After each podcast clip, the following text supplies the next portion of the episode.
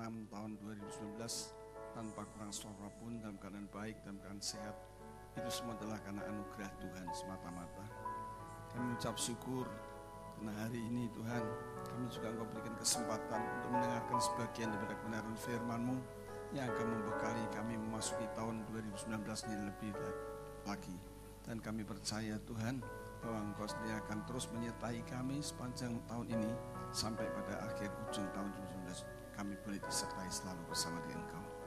Karena itu Bapak biarlah Engkau berfirman lewat benar firman-Mu lewat hambamu ini hambamu butuh pengurapan yang baru untuk seluruh jemaatmu sehingga berita firman Tuhan yang disampaikan oleh hambamu ini boleh memberkati setiap jemaatmu pulang tidak sia-sia tapi diberkati oleh firman-Mu.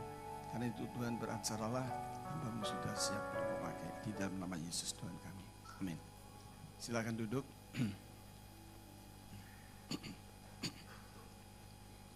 Shalom. Ya, jemaat dikasih oleh Tuhan. Sebelumnya saya juga ingin mengucap selamat tahun baru. Ialah Bapak Ibu memasuki tahun 2020 ini dengan penuh dengan kemenangan karena selalu disertai oleh Tuhan. Nah pada waktu saudara kasih saya diminta khotbah untuk hari ini menyampaikan awal daripada pembukaan tahun 2019 ini, saya sebenarnya menyampaikan khotbah dengan tema yang lain. Tapi kemudian dalam perjalanan di mobil, Tuhan taruh dalam hati saya untuk menyampaikan mengenai kerukunan. Itulah sebabnya tema daripada khotbah saya pada pagi hari ini adalah memasuki tahun 2019 dengan hidup rukun. Memasuki tahun 2019 ini dengan hidup rukun. Bacaan yang saya ambil itu di Mazmur 133 ayat 1 sampai 3. Mazmur 133 sampai 1 sampai 3 kita akan baca. Saya akan bacakan ayat yang pertama kemudian Bapak Ibu bisa baca ayat yang kedua dan seterusnya.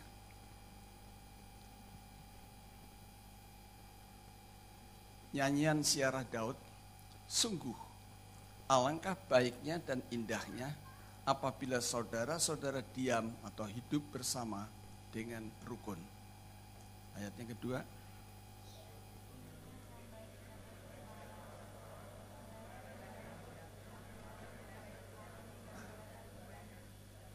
Ya, ayat ketiga kita bantu bersama-sama. Seperti embun gunung Hermon yang turun ke atas gunung-gunung Sion, sebab ke sanalah Tuhan memerintahkan berkat kehidupan untuk selama-lamanya. Amin. Saudara dikasih Tuhan, kita patut bersyukur bahwa kita bisa memasuki tahun 2019 ini kan kita sudah memasuki hari yang ke-6. Sekalipun hari-hari ke depan tentunya kita semua tahu kita akan diperhadapkan dengan suasana yang mungkin semakin memanas karena adalah tahun politik di mana kita setiap hari pasti akan mendengar atau disuguhi oleh berita-berita yang membuat kebencian, perpecahan, permusuhan. Tapi sebagai orang yang percaya, sebagai orang yang anak-anak Tuhan, kita tidak perlu terpengaruh, kita tidak perlu terbawa ke suasana seperti itu. Sebaliknya saudara kasih, kita harus bisa menunjukkan sebagai anak-anak Tuhan bahwa kita ini bisa hidup di dalam kasih persaudaraan yang kuat. Kita boleh saling rukun satu sama lain. Kita boleh ada kebersamaan, kesatuan, tidak ada kebencian dan permusuhan. Dan kita sungguh-sungguh bisa hidup dalam rukun. Nah saudara kalian Tuhan, kita hidup dalam rukun ini bukan karena kemauan kita, inilah kemauan dari Tuhan sendiri. Seperti tadi dikatakan dalam Mazmur 133 ayat 1 dikatakan bahwa alangkah baiknya dan indahnya apabila saudara-saudara diam atau hidup bersama dengan rukun. Jadi keinginan Tuhan, keinginan Tuhan, kehendak Tuhan adalah kita sebagai anak-anak Tuhan hidup dengan rukun. Nah karena itu saudara kasih, marilah kita memasuki tahun 2019 ini dengan hidup rukun dan mulailah dari keluarga kita masing-masing. Kemudian setelah keluarga kita masing-masing, kita juga hidup dalam sebagai anak-anak Tuhan di dalam jemaat. Karena kita sebagai jemaat adalah keluarga Tuhan juga, keluarga Allah namanya. Karena itu kita perlu juga harus hidup rukun. Nah saudara kasih, mengapa kita harus mulai dari keluarga? Karena GBI Sungai Yordan Taman Ratu ini itu fokusnya adalah keluarga untuk mewujudkan visi secara umum yaitu diubah menjadi serupa Kristus. Fokus kita sebagai keluarga. Itulah sebabnya kalau Bapak Ibu perhatikan, cermati baik-baik, maka segala program, acara-acara yang ada di gereja GBI Sungai itu selalu mengacu mengarah kepada keluarga. Misalnya seminar pasutri dimaksudkan itu adalah untuk supaya ada suami istri suami istri ikut itu bisa nanti hidup sebagai suami istri yang ideal, yang harmonis, yang diberkati oleh Tuhan sesuai dengan desain Tuhan. Karena itu bagi Bapak Ibu yang belum ikut seminar pasutri, saya ajak untuk bisa ikut karena di situ diajarkan bagaimana kita bisa hidup saling mengasihi, saling mengampuni dan kita dalam kebersamaan rukun semakin mesra, semakin hari semakin mesra dan hidup dalam keluarga yang ideal dan harmonis dan diberkati oleh Tuhan. Kemudian juga saudara kasih secara berkala juga kita adakan seminar orang tua dengan anak.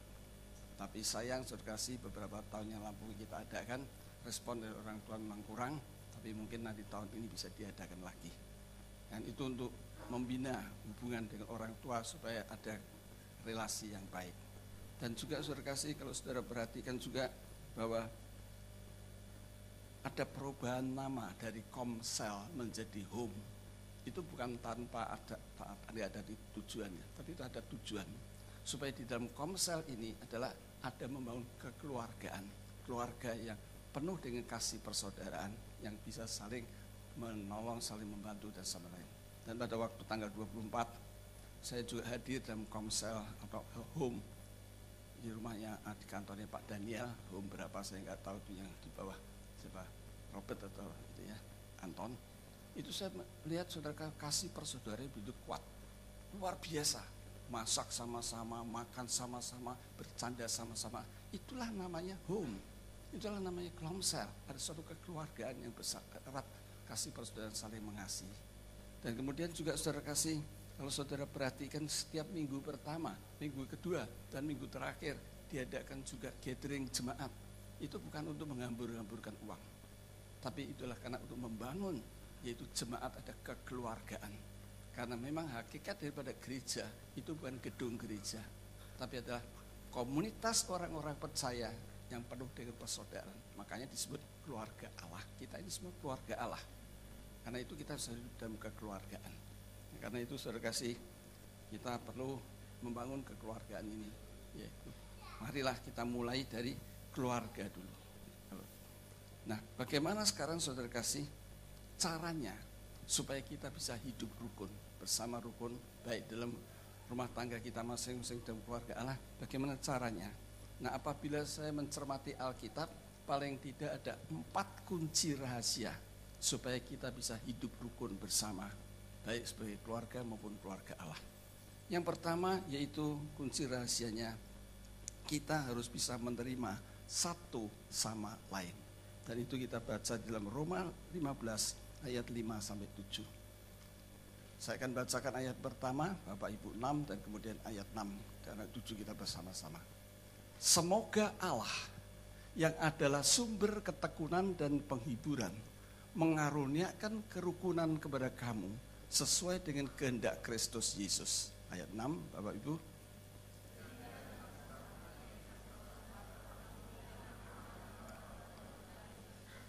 Ayat 7 kita baca bersama-sama. Sebab itu terimalah satu akan yang lain sama seperti Kristus yang telah menerima kita untuk kemuliaan Allah.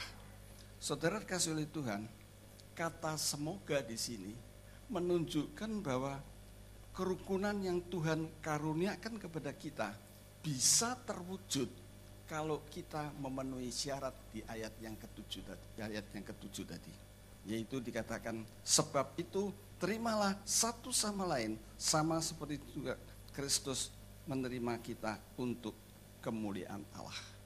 Jadi di sini kita melihat saudara kasih, Allah mengaruniakan, memberikan kerukunan pada kita. Itu adalah bagian dari Allah. Tapi bagian kita harus ada yang kita kerjakan, yaitu menerima satu sama lain apa adanya. Kalau saudara belum bisa menerima satu sama lain, maka kerukunan itu akan terwujud. Karena ada bagian yang Tuhan berikan kepada kita, tapi ada bagian yang kita harus kerjakan yaitu menerima satu sama lain apa adanya. Nah, alasan mengapa saudara kasih kita harus menerima satu sama lain apa adanya. Sebetulnya alasannya simple. Karena saudara kasih, tiap-tiap manusia itu mempunyai pikiran yang berbeda, perasaan yang berbeda, keinginan yang berbeda, latar belakang yang berbeda, karakter berbeda, kebiasaan yang berbeda. Jadi serkasi kita harus bisa menerima satu sama lain apa adanya. Tentunya serkasi kebiasaan-kebiasaannya itu kebiasaan yang baik tentunya yang harus kita terima. Jadi saudara kasih kita harus belajar hidup bersama sebagai suami istri atau sebagai orang tua dengan anak atau mertua dengan menantu, kakak dengan adik, jemaat dengan jemaat, pekerja dengan pekerjaan. Kita harus belajar untuk menerima dan menghargai satu sama lain. Perasaannya, jalan pikirannya, pendapatnya, keinginannya, latar belakangnya, semua kita harus berani mau menerima dan menerima apa adanya. Karena kalau tidak saudara kita tidak bisa menghargai satu sama lain, maka nanti kita akan ribut. Karena itu saudara kasih, jangan sekali-kali saudara kasih kita memaksakan pikiran kita, jalan pikiran kita, perasaan kita, keinginan kita, kebiasaan kita kepada orang lain untuk sama seperti kita pasti akan terjadi konflik ribut. Karena kalau itu memaksa kehendak, pasti itu akan ribut. Jadi kita harus berusaha menghargai. Berkasih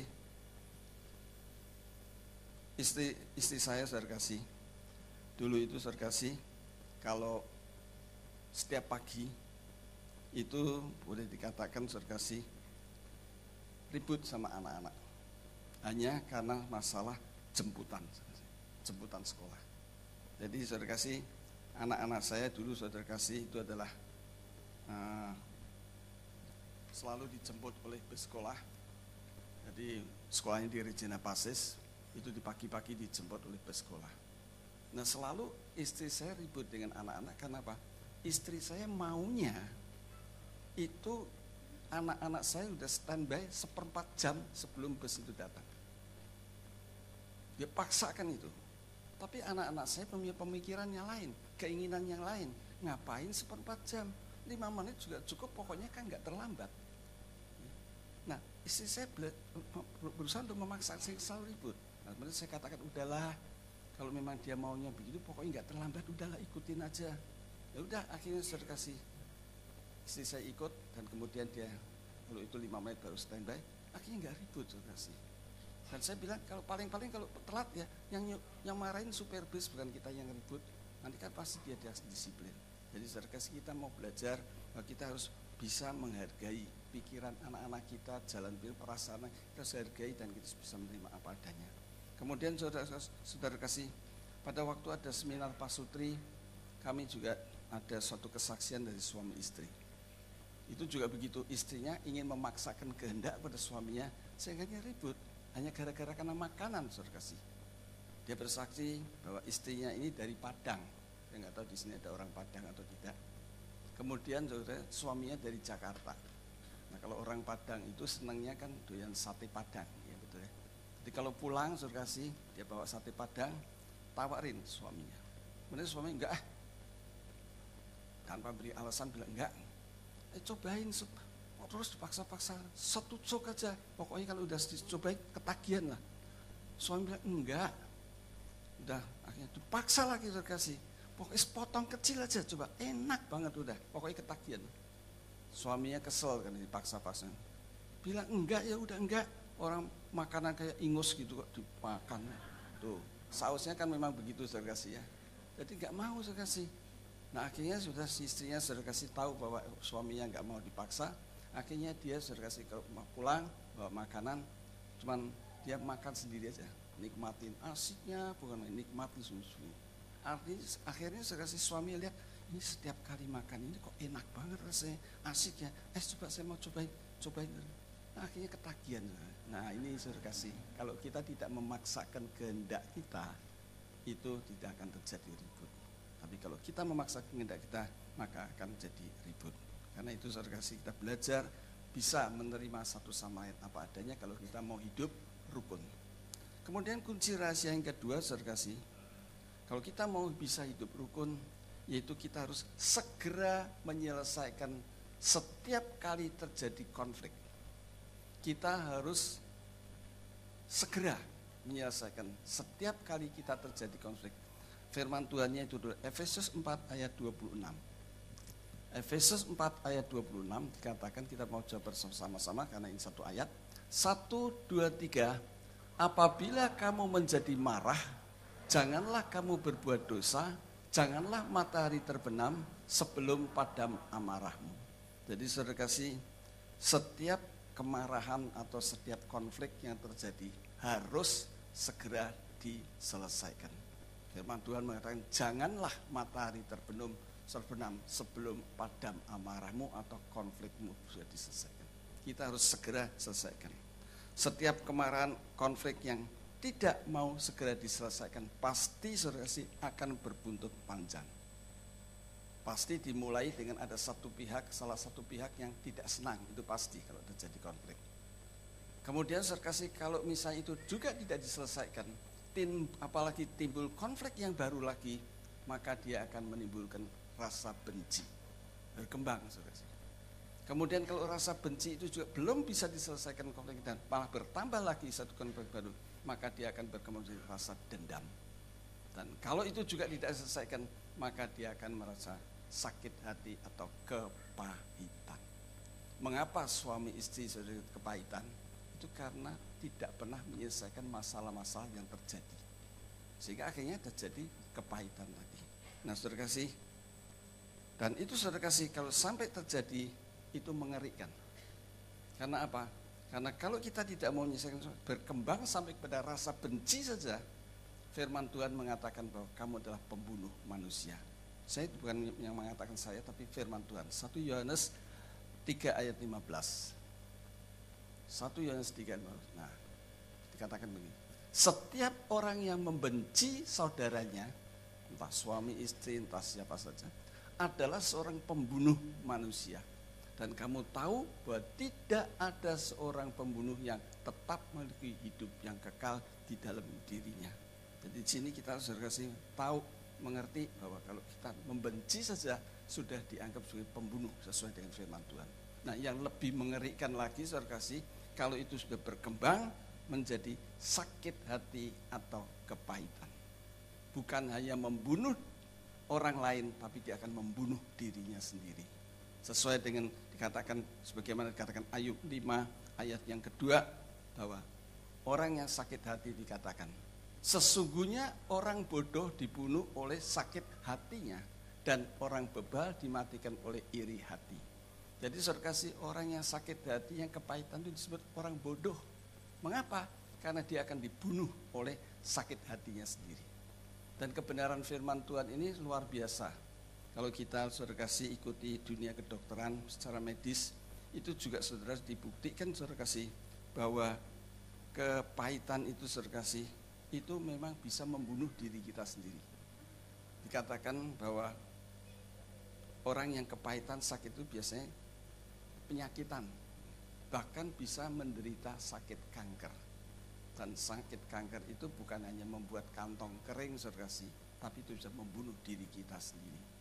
Dan itu memang sudah dibuktikan. Nah, karena, maka dari itu surgasi segera bereskan setiap kali ada konflik karena kalau tidak maka itu nanti akan terjadi penumpukan akumulasi akumulasi eh, luka-luka batin akibatnya tadi tadi akan tumbuh kebencian, dendam dan kepahitan. Terkasih saya pernah melayani seorang ibu. Dia punya anak, beberapa anak. Waktu itu suaminya punya usaha apa saya tidak tahu. Tapi suami, istrinya ini memang selalu membantu usaha daripada suaminya. Dan pada waktu itu baik-baik saja, tidak terjadi konflik karena suaminya masih mendengarkan nasihat dari istrinya tapi kemudian beberapa lalu suaminya itu ngajak saudara-saudaranya masuk di dalam perusahaan itu untuk membantu. Dan ternyata setelah saudara saya masuk, saya kasih ini istrinya dicuekin, nggak dianggap. Semua nasihat dengar dari saudaranya. Dan terjadilah konflik, kasih. Karena dia tidak senang Karena saudara-saudara itu kadang enak datangnya seenaknya sendiri, pakai uang sendiri, tapi selalu diberi nasihat, di, memberi apa didengarkan nasihatnya. Sehingga istrinya bilang menasihatkan tapi nggak pernah digubris. Akhirnya saudara kasih dia sakit hati, kepahitan dengan suaminya sendiri. Dan akibatnya apa saudara kasih? Dia sampai suaminya meninggal, dia belum bisa mengampuni, dia masih sakit hati kepahitan. Akhirnya dia mengidap kanker liver dan saya kunjungi. Dan saya korek-korek korek-korek, ternyata dia punya kepahitan yang luar biasa dengan suaminya sendiri. Sampai mati pun dia masih ada kepahitan. Sehingga pada akhirnya hidupnya diakhiri dengan sakit kankernya, yaitu sakit hatinya itu. Jadi saudara kasih kita mau belajar saudara ini coba kalau misalnya itu belajar kita jangan sampai sakit hati karena itu kalau kita sudah sampai sakit hati maka itu akan membunuh diri kita sendiri. Kemudian sudah kasih kunci rahasia yang ketiga agar kita bisa hidup rukun bersama yaitu kita harus mengampuni orang yang bersalah kepada kita. Firman Tuhannya itu Markus 11 ayat 25 dan 26. Markus 11 ayat 25 dan 26. Saya bacakan 25 ayat 26 nanti. Saudara baca. Dan jika kamu berdiri berdoa, ampunilah dahulu sekiranya ada barang sesuatu dalam hatimu terhadap seseorang, supaya juga Bapakmu yang di surga mengampuni kesalahan-kesalahanmu. Ayat 26.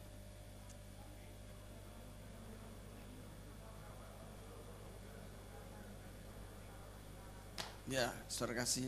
Jadi saudara kasih kalau kita itu ada orang yang bersalah kepada kita, maka kita dikatakan harus mengampuni. Karena mengampuni ini saudara kasih selain syarat supaya kita bisa hidup rukun, kita itu merupakan syarat juga agar kesalahan kita ini diampuni oleh Bapak di surga.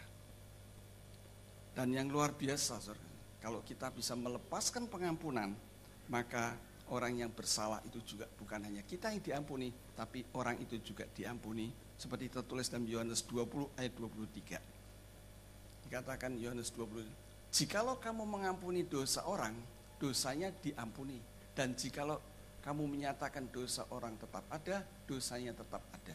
Jadi kuasa pengampunan itu selain untuk kita, saudara kasih, kuasa pengampunan juga untuk orang lain, supaya orang itu juga diampuni dosanya. Nah karena itu saudara kasih, janganlah kita menganggap enteng atau sepele tentang pengampunan, karena apabila kita tidak mengampuni, akibatnya fatal sampai kepada dampaknya sampai kepada kekekalan. Dan selain saudara kasih berdampak sampai kekekalan, bukan hanya sampai di kekekalan saja, tapi hidup kita selama di dunia ini juga akan menderita. Sungguh saudara menderita kalau kita itu tidak bisa mengampuni orang. Terima kasih karena apa? Karena ya kita nanti akan menderita. Karena itu sesakit apa pun saudara kasih, kita harus belajar mau tidak mau mengampuni. Karena kalau tidak hidup kita juga di dunia ini maupun di sana nanti akan menderita. Nah saudara kasih, memang saudara kasih tidak mudah. Tapi jika kita berani ambil keputusan, saya mau, Tuhan pasti akan sanggupkan sehingga kita bisa sanggup mengampuni. Dengan kekuatan kita sendiri memang sulit. Tapi Tuhan akan berikan karunia kalau kita mau melakukan firman-Nya. Terkasih, saya sendiri dulu adalah orang yang sulit, sulit, sulit sekali mengampuni orang. Bisa nggak bisa lupa. Nah suatu ketika saudara kasih saya ditipu atau digeser sama teman sekerja saya pada waktu saya masih menjadi kontraktor dan saya sakit hati. Saya betul-betul karena didepak begitu aja. Sehingga sore hidup saya menderita. Jengkel, kesel, kalau saya nggak bisa tidur, kalau tengah malam tidur itu begitu bangun teringat orang itu saya pengen saya tonjok begitu. Jadi nggak ada sukacita saudara sih. Nggak enak tidur, nggak enak makan, selalu kalau ingat orang itu. Tapi kemudian saudara kasih puji Tuhan saya kasih saya bisa mengikuti seminar hidup di dalam roh. Karena saya pikir rugi banget ya kalau misalnya kita nggak bisa mengampuni orangnya yang nyakiti hati saya, dia enak-enak tidur, enak-enak makan, berfoya-foya, tapi saya sendiri hidupnya menderita. Sehingga akhirnya saya kasih saya ikut SHDR karena di situ katanya diajarkan bagaimana mengampuni. Saya ikut saya kasih dan di situ diajarkan supaya bisa mengampuni. Dan ayat ini yang muncul kasih di malam engkau tidak mengampuni kesalahan orang, Bapakmu di surga dia. Dan kemudian saya bilang, Pak, Bapak, saya mau, mau mengampuni, tapi mampukan saya beri aku kasih karunia dan ternyata benar kasih Tuhan mampukan saya saya datangi orang itu kemudian saya minta saya ampuni dia dan akhirnya saya bisa duduk satu meja makan dengan orang yang menyakiti hati saya. Dan sejak itu saya kasih saya plong saya kasih lega saya kasih damai enak tidur enak makan. Karena apa? Saya sudah lepaskan pengampunan. Nah demikian juga istri saya sudah kasih. Istri saya juga, juga orang sulit yang mengampuni. Bapak ibu mungkin yang ikut seminar uh, ikut memberkati selalu saya berikan kesaksian dia itu dulu kepahitan dengan uh, adik saya dengan orang tua saya. Karena itu kesalahan saya. Saya lebih mengutamakan mengasihi menghargai orang tua saya mem mementingkan orang tua adik daripada istri. Sehingga dia ada suatu kepahitan.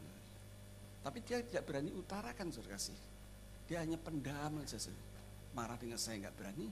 Akhirnya saudara kasih timbul sesuatu yang menderita buat dia dia kesel kalau saya ngomong nyinggung adik atau orang tua udah meledak-meledak. Pernah saudara kasih tanpa sebab saya nggak tahu. Malam tidur histeris jerit-jerit. Ternyata saya kasih ini akar masalahnya di mana? Saya nggak tahu. Tapi pada waktu dia ikut seminar hidup dan roh karena saya juga udah berubah dia mau. Dan di situ diajar pengampunan. Firman Tuhan tadi muncul kembali. Bahwa kalau engkau tidak mau mengampuni bapakmu di surga tidak mengampuni. Akhirnya istri saya berputusan saya mau dan Tuhan sanggupkan mengampuni pada waktu ketemu adik saya dia samperin dia bilang, aku minta ampun, minta ampaf. Karena dulu aku, itu kalau adik saya kan tinggal di rumah sih. Itu kalau lewat itu makan makan aja di cuek gitu. Gak pernah ditawarin, gak pernah disebut, disapa dan sebagainya. Tapi setelah itu dia berdamai dan kemudian dia minta ampun dan pada itu sudah hidup rukun lagi. Karena apa? Mau melepaskan pengampunan.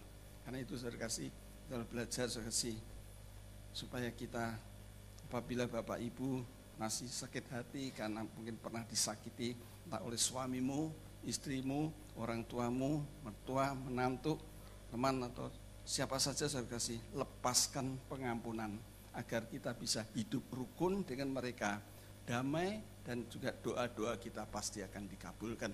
Karena satu-satu penghalang yaitu adalah kalau kita ada kepahitan doa-doa kita pasti tidak akan dikabulkan karena itu lepaskan pengampunan kemudian terakhir saya kasih kita mau belajar kalau kunci rahasia yang keempat supaya bisa hidup rukun kita harus berdamai dengan orang yang sakit hati kepada kita. Jadi kalau tadi kita sakit hati kepada orang lain, ini sekarang ada orang yang sakit hati kepada kita, kita harus berdamai. Bacaannya itu dalam Matius 5 ayat 23 26.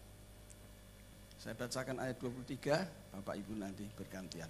Sebab itu jika engkau mempersembahkan persembahanmu di atas mesbah dan engkau teringat akan sesuatu yang ada di dalam hati saudaramu terhadap engkau, ayat 24. 24. Ya.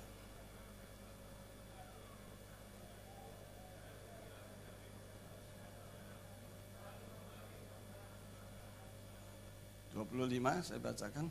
Segeralah berdamai dengan lawanmu selama engkau bersama-sama dengan dia di tengah jalan.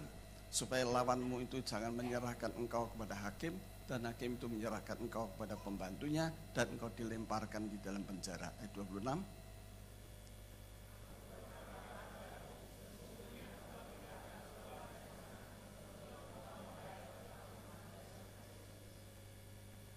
Jadi saudara kasih oleh Tuhan, kalau ada orang yang sakit hati kepada kita. Kita dikajar untuk kita bisa berdamai dengan orang yang sakit hati kepada kita. Karena itu saya kasih supaya bisa hidup rukun, segera berdamai. Apabila ada tutur kata kita, tingkah laku kita membuat ada orang yang sakit hati kepada kita. Dan kita diajar oleh firman Tuhan bahwa kita sendiri yang datang kepada orang itu. Sekalipun kita sakit. Tapi kita harus datang berdamai. Jadi bukan menunggu orang itu datang saudara kasih, tapi kita harus punya inisiatif datang pada dia untuk nanti bisa berdamai. Saudara kasih, memang saudara kasih salah satu penghalang mengapa kita sulit saudara kasih itu berat untuk bisa minta maaf, minta ampun kepada orang yang sakit hati kepada kita itu adalah ego kita. harga diri kita, kesombongan kita. Karena itu supaya kita bisa saudara melakukan firman Tuhan ini, satu-satunya harus singkirkan itu penghalang. Ego kita, emosi kita, harga diri semua, kesombongan semua kita singkirkan, maka akan kita bisa minta ampun, minta orang yang pada orang sakit hati kita, maka kita harus bisa nanti minta ampun dengan pertolongan daripada Tuhan. Nah karena itu saudara kasih, kalau kita tidak mau saudara kasih, maka saya katakan buntutnya itu akan panjang. Kalau orang sakit hati kepada kita, kita tidak mau minta ampun, minta apa, itu buntutnya panjang. Bukan saja saudara kasih tidak bisa hidup rukun, tapi kita juga bisa terancam jiwa keselamatan kita. Saudara baca di koran berapa banyak orang yang mati dibunuh oleh tukang parkir, oleh tetangganya, oleh sopirnya, bahkan oleh tukang kebunnya, bahkan oleh anaknya sendiri, hanya gara-gara kenapa? Sakit hati. Karena itu terkasih, sebelum semuanya itu terjadi, lebih baik kita mencegah daripada sudah terjadi. Bagaimana caranya supaya kita bisa mencegah? Yaitu alangkah baiknya kalau kita bisa mencegah dengan apa? Menjaga tutur kata kita, tingkah laku kita, emosi kita untuk bisa menjaga hubungan baik dengan orang lain. Relasi itu di atas segala-galanya. Tadi sudah kita dengar firman Tuhan. Kalau kita mempersembahkan, tinggalkan dulu, relasimu harus baik dulu dengan orang lain. Baru nanti persembahan itu berkenan pada Tuhan. Karena itu perlu menjaga hubungan baik, entah dengan keluarga, dengan pembantu, dengan siapa saja saudara kasih itu kita harus belajar untuk relasi menjaga supaya kita tetap baik. Saya belajar saudara bahwa menjaga hubungan baik itu penting sekali. Dengan keluarga saya jaga baik-baik. Saya tidak pernah mengeluarkan kata-kata kasar, kata-kata yang menyakitkan, kata-kata yang kotor kepada istri anak-anak saya tidak pernah. Bahkan kepada semua saudara Makanya kalau istri saya itu saya pesan panti-panti jaga relasi. Bukan hanya sebagai anak, mantu, anak mantu, cucu, jaga relasi. Karena relasi itu di atas segala-galanya. Bayangkan saudara kasih kalau kita relasi kita nggak baik sama misalnya menantu, bagaimana bayangkan saudara kasih makan satu rumah misalnya tinggal mungkin nggak ditawarin makan gak, kan nggak enak saudara kasih relasinya jelek begitu. Jadi kita harus jaga relasi itu. Saya belajar dengan keluarga. Bahkan dengan pembantu pun, saudara bisa panggil pembantu saya. Saya tidak pernah menyakiti. Keluar kata-kata kasar, kata-kata kotor, atau saya bentak, pembantu saya nggak pernah. Kalau dia salah, saya panggil. Saya berikan pengertian kesalahannya apa, nanti lain kali jangan berbuat. Sehingga saya dengan pembantu baik-baik aja, dia nggak ada masalah. Saudara. Dia kemarin pulang ke kampung, saya bilang hati-hati ya di jalan, dia senang saudara hubungan kami baik dengan pembantu. Bahkan suruh kasih di depan saya itu saya izinkan tukang ban suruh kasih. Karena kalau tukang ban itu tidak kotor. Kalau dulu makanan kotor sekali jadi tukang ban kan cuma hanya kompresor dan ada box yang kecil untuk alat-alatnya. Nah, saya baik suruh kasih. Saya sapa, saya itu kemudian kalau misalnya itu uh, hari lebaran istri saya kasih kue dan sebagainya sekalipun nggak seberapa tapi mereka senang sekali sehingga karena relasi saya baik kalau saya keluar parkir kalau lagi rame macet dia cegatin kasih kasih jalan kemudian dia buru-buru supaya dia saya nggak turun dia tutup pintu pagarnya. Halaman saya selalu bersih dibersihkan oleh dia. Karena saya baik dengan dia. Pada waktu dia membuat itu pelataran itu legok begitu penuh air saya kasih semen saya kasih. Dia beli pasirnya dirapiin. Jadi hubungan kami dengan mereka baik dengan tukang ban itu baik. Bahkan saya kasih dengan tukang preman. Di rumah saya itu dulu ada banyak preman, 14 sekarang sudah berkurang tujuan kira-kira. Tapi saya hubungi saya baik. Setiap saya keluar saya sapa dia, bahkan kalau THR ya kalau misalnya uh, itu lebaran saya kasih amplop biarpun kita seberapa hari, mereka senang. Sehingga saya kasih saya nggak pernah saya kasih merasa terganggu dan bahkan saya terjaga keamanan saya.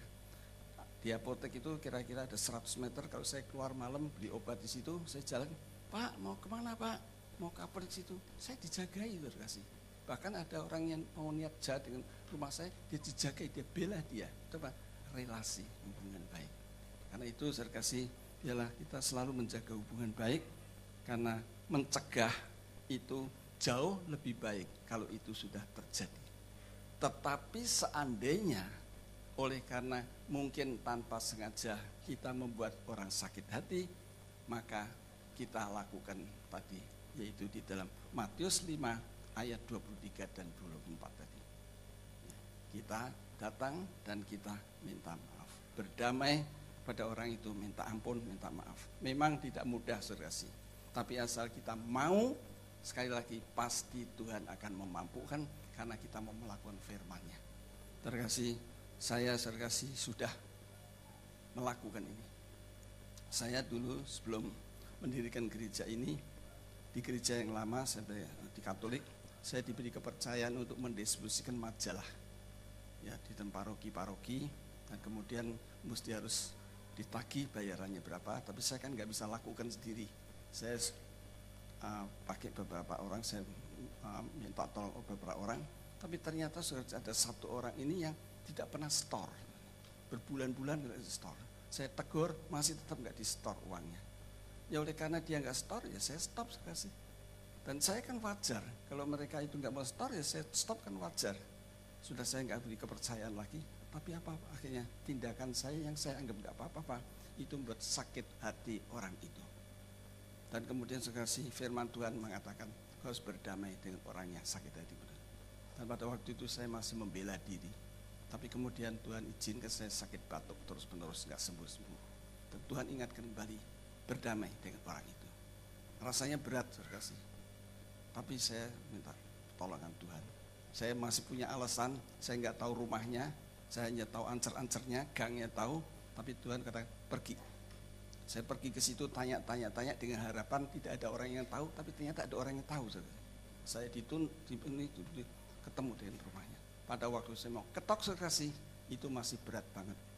Saya pikiran saya jalan pikiran kalau dia buka ketemu dengan orang saya ditonjok. Tapi ternyata apa pada waktu itu buka saya ketok, dia muncul saya rangkul. Saudara dan dia menangis dan sekarang saya bisa hidup rukun dengan dia. Dan pada waktu itu saudara kasih, ya ternyata pindah di Tamaratu, saya nggak tahu. Pada waktu saya itu, saya dipanggil-panggil. Padahal dia sakit hati pada saya. Tapi karena saya sudah rukun kembali, saya sudah minta ampun pada dia. Maka dia panggil saya, Papa Sudi, oh ya sini. Malah akrab seru. Kenapa? Relasi. Karena itu relasi di atas segala-galanya. Suami, istri, mertua, dan itu harus jaga Panti-panti istri saya dengan menantu pun harus jaga. Dengan cucu pun harus jaga relasi itu. Karena relasi di atas segala-galanya. Karena itu saya kasih biarlah empat kunci rahasia ini kita lakukan agar kita bisa hidup rukun. Yang pertama yaitu kita harus apa? Menerima satu sama lain apa adanya. Yang kedua, kita harus segera selesaikan setiap kali terjadi konflik. Dan yang ketiga, kita harus mengampuni orang yang bersalah kepada kita. Yang keempat, harus berdamai dengan orang yang sakit hati kepada kita. Karena itu marilah kita memasuki tahun 2019 ini dengan hidup rukun, yaitu rukun di dalam keluarga, para suami istri, orang tua dengan anak menantu, dengan dengan mertua, adik dengan adik, rukun di dalam keluarga Allah sebagai jemaat dengan jemaat, pekerja dengan pekerja, dan rukun di dalam masyarakat. Dan sebagai penutup, saya ingin sampaikan pesan khusus kepada pasangan suami istri. Ada di sini suami istri hadir? Banyak ya. Saya mau menyampaikan pesan khusus pada suami istri. Pesan saya saudara kasih, hiduplah rukun di masa mudamu. Hiduplah rukun sejak daripada masa mudamu. Karena kalau engkau tidak rukun di dalam masa mudamu, engkau akan menyesal dan menderita pada masa tuamu. Pasti itu. Mungkin pada waktu Bapak Ibu masih muda, masa muda, ya nggak terasa yang namanya kesepian. Tidak terasa merasa yang namanya terlantar. Karena saudara masih bisa keluyuran, cari teman, pergi sama-sama, bercanda sama-sama, nonton sama-sama, ya, makan bersama-sama, bisa dengan teman-teman sehingga saudara tidak perlu merasa kesepian malam-malam juga mungkin masih bisa keluar dengan teman-teman sana sini. Tapi saudara kasihkan kita tidak usianya terus-menerus seperti itu. Kita akan meningkat menjadi masa-masa tua. Nah pada waktu masa tua itu, kalau kita mungkin nanti sudah mulai memasuki itu, tubuh jasmani kita pasti akan merosot. Kaki kita mungkin barangkali sudah mulai sakit-sakitan kalau buat jalan, pinggang kita barangkali juga sudah mulai kalau berdiri lama pegel, kemudian juga mungkin mulai malas untuk keluar, ya, sudah tidak berdaya lagi. Nah apalagi kalau anak-anak tinggal di luar negeri, anak-anak sudah berumah tinggal misah, saudara kasih. Waduh saudara kasih itu yang namanya kesepian itu terasa sekali. Yang namanya terlantar itu akan terasa. Paling-paling ya orang-orang seperti ini masih kalau memang nggak rukun sama pasangannya ya masih bisa nonton TV lah. Tapi masa tiap hari dari pagi memang nonton TV terus. Kemudian kalau mau ngomong pasangannya, lah orang nggak rukun gimana mau ngomong?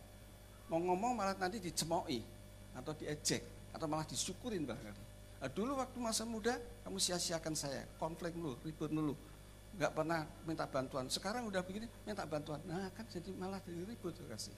Jadi kasih karena itu kasih saya pesan saya bahwa kita harus kalau kita bisa hidup rukun di masa tua muda kita, pasti saudara kasih nanti di masa tua kita hidup kita tidak akan merasa kesepian. Hidup kita tidak akan merasa terlantar.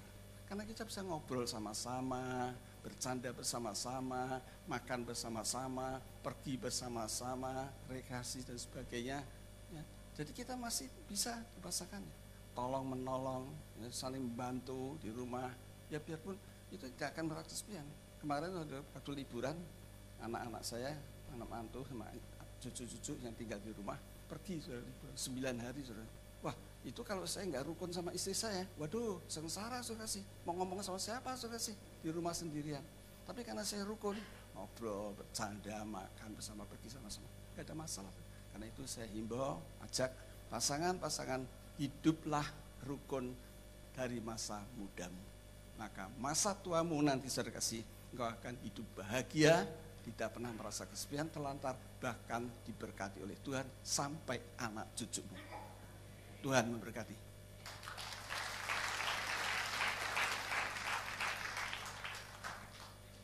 Bapak Surgawi, hambamu sudah selesai menyampaikan pesanmu memasuki tahun 2019 ini karena ini adalah kehendakmu untuk hidup rukun bersama. Entah itu sebagai suami istri, orang tua anak, atau sebagai keluarga Allah dengan Pak adik, Pak, kakak, semuanya Tuhan kasih rukun, bahkan dari tetangga, siapa pun yang rukun. Karena itulah kehendakmu.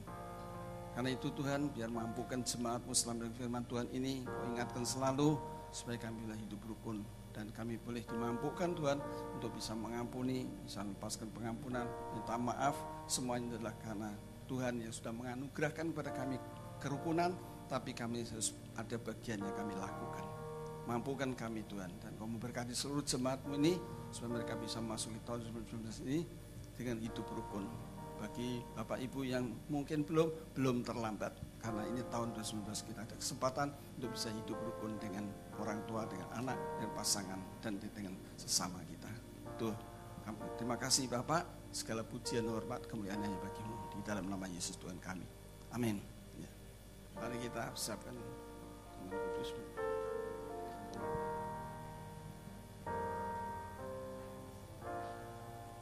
Sungguh terbukti ketika dia serahkan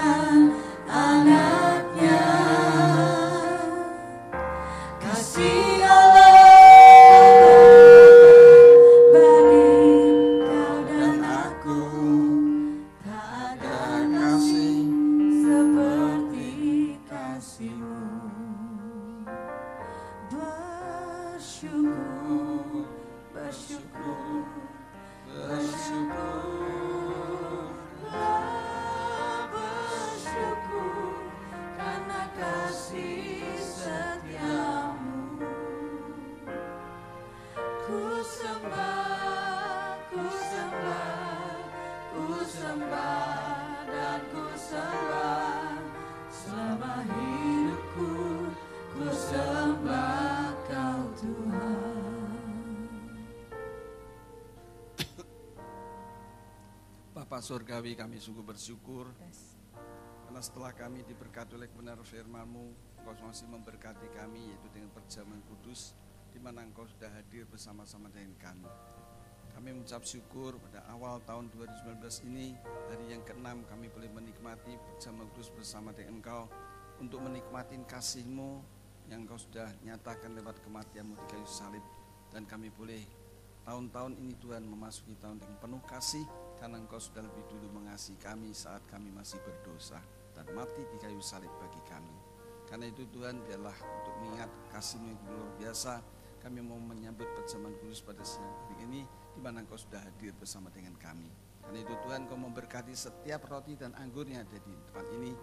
Biarlah setiap jemaat punya ambil bagian dalam perjamuan kudus mendapatkan berkat yang dari Engkau yang sakit disembuhkan dan yang lemah Tuhan kuatkan. Mari Tuhan beracaralah jemaat muda siap untuk menyambut perjamuan pada pagi hari ini. Haleluya. Amin. Kasih Allahku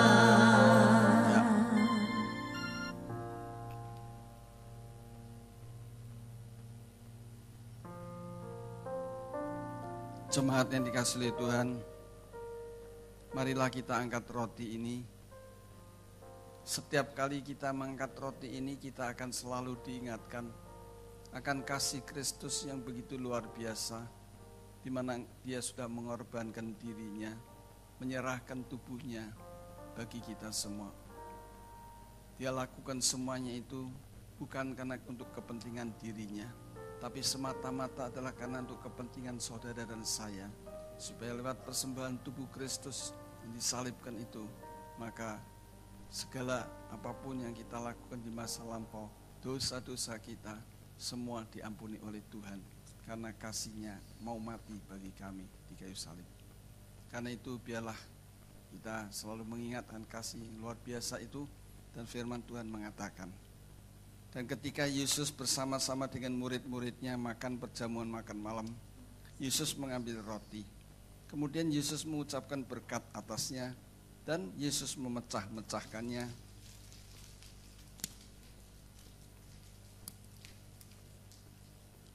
Lalu memberikan kepada murid-muridnya dan berkata, Ambillah, makanlah, inilah tubuhku.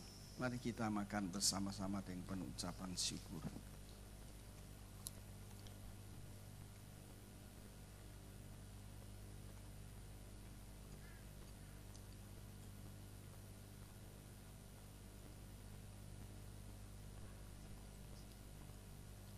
Mari kita angkat cawan ini. Setiap kali kita mengangkat cawan ini, kita juga selalu diingatkan bahwa bukan hanya tubuhnya yang diserahkan buat kita semua, tapi juga darahnya dicurahkan sehabis-habisnya buat kita semua. Oleh darah Kristus itu pula maka segala dosa, segala kesalahan kita, sekalipun merah seperti kirmisi, sudah diampuni oleh Tuhan, dilupakan oleh Tuhan. Dan oleh darah Kristus itu pula kita bisa mempunyai relasi dengan pulih kembali dengan Bapa di surga. Itu adalah karena darah Kristus. Dan firman Tuhan mengatakan, sesudah itu Yesus juga mengambil cawan dan mengucap syukur atasnya.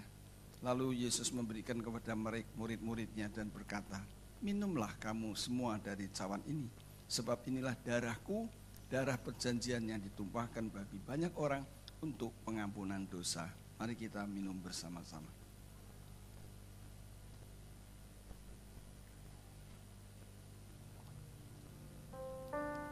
Mari dalam kesempatan ini kita mau mengucap syukur terima kasih apa yang sudah dilakukan oleh Tuhan. Mengucap syukur.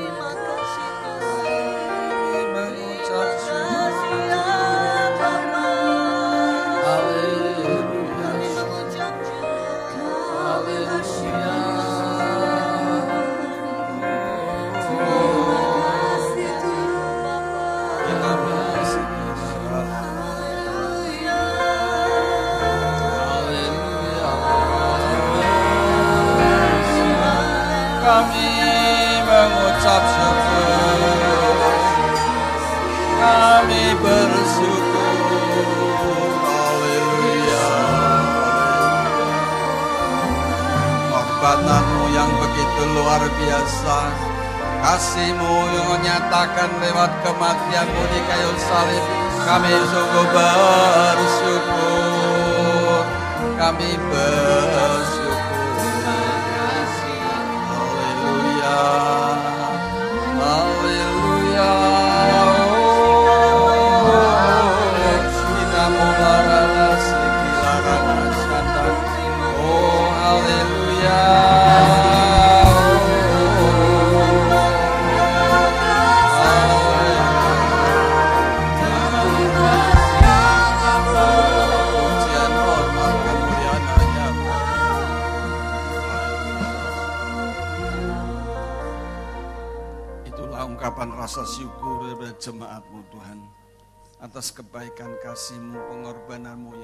yang terus dan nyatakan lewat kematianmu di kayu salib 2000 tahun lampau.